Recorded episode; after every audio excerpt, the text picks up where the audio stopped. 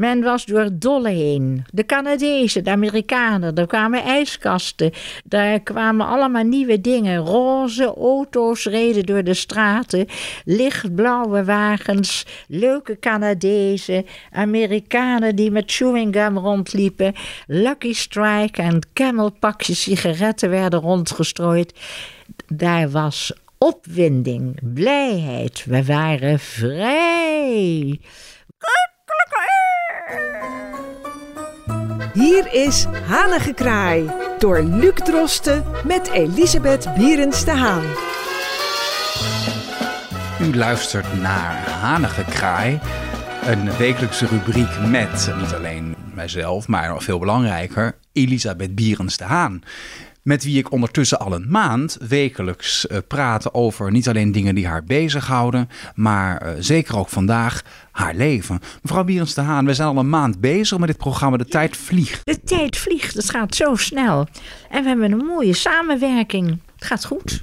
We gaan het vandaag hebben over uw verleden. Want niet iedereen weet het misschien, maar u heeft een, uh, nou roemerig is misschien niet het goede woord, maar u heeft een rijk verleden, laat ik het zo zeggen. U mag, als u dat zelf wilt, uw leeftijd verklappen. Maar we gaan het vandaag hebben over, uh, en dan kunnen de mensen het al enigszins raden, uw vroege jeugd die samenvalt met de Tweede Wereldoorlog en dan in het bijzonder in Amsterdam-Zuid. Luc, ik ben geboren in 1936. Ik was vier toen de oorlog begon. Dat is voor een kind, en trouwens ook voor grote mensen, heel eng. En je bent vol spanning, wat gaat er allemaal gebeuren? En ik woonde met mijn ouders en mijn broer in de oude Euterpenstraat, die nu Gerrit van der Veenstraat heet. Daar woonden wij. En in die straat er was een groot gebouw, dat is nu het Gerrit van der Veen College. Daar gingen de Duitsers zetelen. Daar hadden ze hun hoofdkwartier. Daar zaten, uh, ja, de, de gevangenissen. De, de gevangenissen waren boven in het gebouw. En de mensen die opgepakt werden, werden gebracht naar de Euterpenstraat. Dus die Euterpenstraat heeft een beladen klank gekregen. Ja. Uh, het Gerrit van der Veen College noemt u uh, al even. Dat betekent uh, dus ook Gerrit van der Veen, die ook, en dat weten misschien heel veel mensen niet, nauw verbonden is met deze plek. Heel nauw verbonden.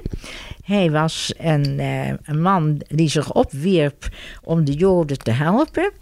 Dus hij heeft eh, valse persoonsbewijzen gemaakt. Hij heeft eh, zijn vrienden geactiveerd van jongens, we gaan een overval doen op het eh, archief, het stadsarchief. En we gaan zorgen dat we Joden kunnen redden. Hij was een nobel man. En eh, de zoon van een slager, uh, met hard werken opgevoed en in de oorlog heeft hij veel verzetswerk gedaan. En daarom is deze straat naar hem genoemd. En met recht, kan ik zeggen. Nou ja, u heeft het er al over. Uh, de oorlog was een enge tijd. Ik kan me iets bij indenken dat als je een klein meisje bent en ja, je maakt misschien niet dagelijks direct mee hoe het, wat er precies gebeurt, maar af en toe gebeuren er misschien wat onheilspellende zaken. Uh, dat dat een leven lang indruk maakt. Waren er echt concrete zaken die een klein meisje in die tijd angst inboezemden? Ja, er waren hele enge dingen. Ik zat natuurlijk nog in een wandelwagentje, dat is net voor de oorlog, maar toen ik vier was, mijn moeder was altijd bang, als je te vlug gaat lopen, krijg je oorbenen. Nou, dus ik werd lang in dat wandelwagentje gezet en dan ging mijn moeder met mij op pas. Dat was het eerste jaar van de oorlog. En toen werd ik deelgenoot van tafereelen die niet goed zijn voor kinderoogjes. Een uh, familie die in de Minervalaan werd opgepakt met twee kleine kinderen. Mitkommen und schnell. En holen ze ihre Gepäck und schnell. Fort. En ik zei, mama, waarom schreeuwt die man zo? En mijn moeder was doodsbang. Zei, vooruit, meekomen. Straks pakken ze ons ook nog op. Want mijn moeder was Joods, dus je moest wel even oppassen. Mijn vader was katholiek, moeder was Joods. Dus dat was voor een kind toch heel eng. Van, wat is dit? Dit strookt niet met wat een kind verwacht van grote mensen. Dat was heel eng. En uh, ja, die confrontaties, die staan nog scherp voor mij op mijn netvlies, deze dingen. Ja, uh, Gerrit van der Veen werd net kort genoemd. De straatnaam is na de oorlog omgedoopt. De Terperstraat werd de Gerrit van der Veenstraat. Is dat direct na de oorlog gebeurd? direct na de oorlog is dat gebeurd. Ik heb het bijgewoond, kransen gelegd. En uh, ja, dus, uh, net precies na de oorlog, na de bevrijding. Ja. Nou, uh, dan hebben we het dus over nou, mid jaren 40, eind jaren 40. Ja. U groeit op. Uh, we gaan het trouwens, dat kan ik de luisteraars vast uh, verklappen.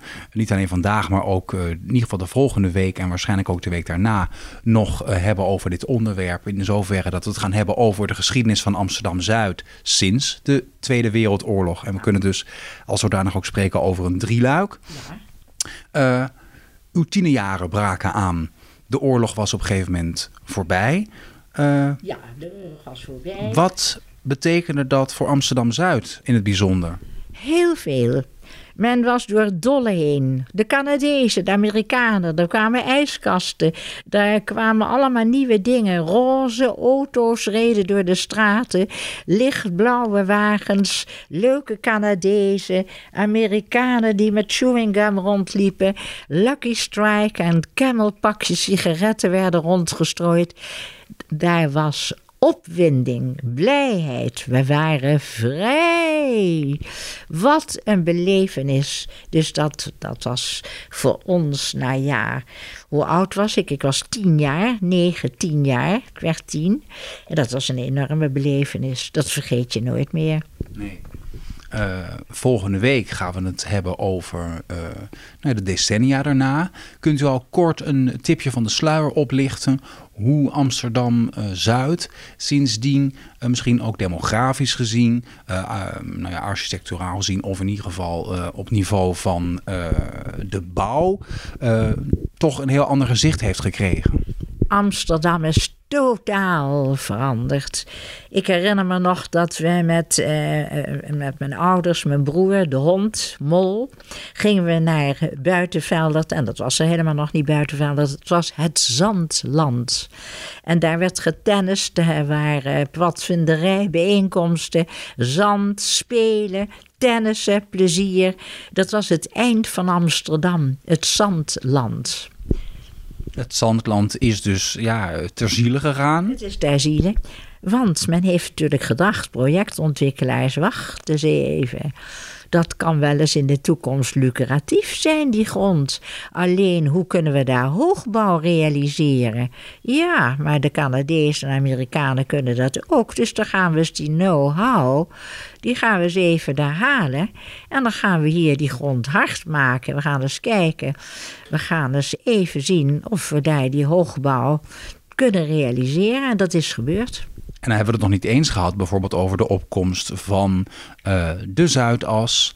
Over uh, eigenlijk het, het, het, het, tot ver buiten de ring uh, vol raken van, van de hele omgeving. Ja. En daar gaan we het volgende week uitgebreider over hebben. En ik ben heel erg benieuwd, ook naar aanleiding van onze recente aflevering over de uitzonderlijke expansie van Schiphol. Eh, waar u ook behoorlijk kritisch over was gedeeltelijk. Ja, wat, wat uw visie is op de ontwikkeling van Amsterdam. En misschien ook uw toekomstbeeld van Amsterdam. zoals het wellicht zal, zich, zich verder zal ontwikkelen. En daar praat ik heel graag volgende week met u verder over door. Heel graag. Dat... Tot dan. Tot dan.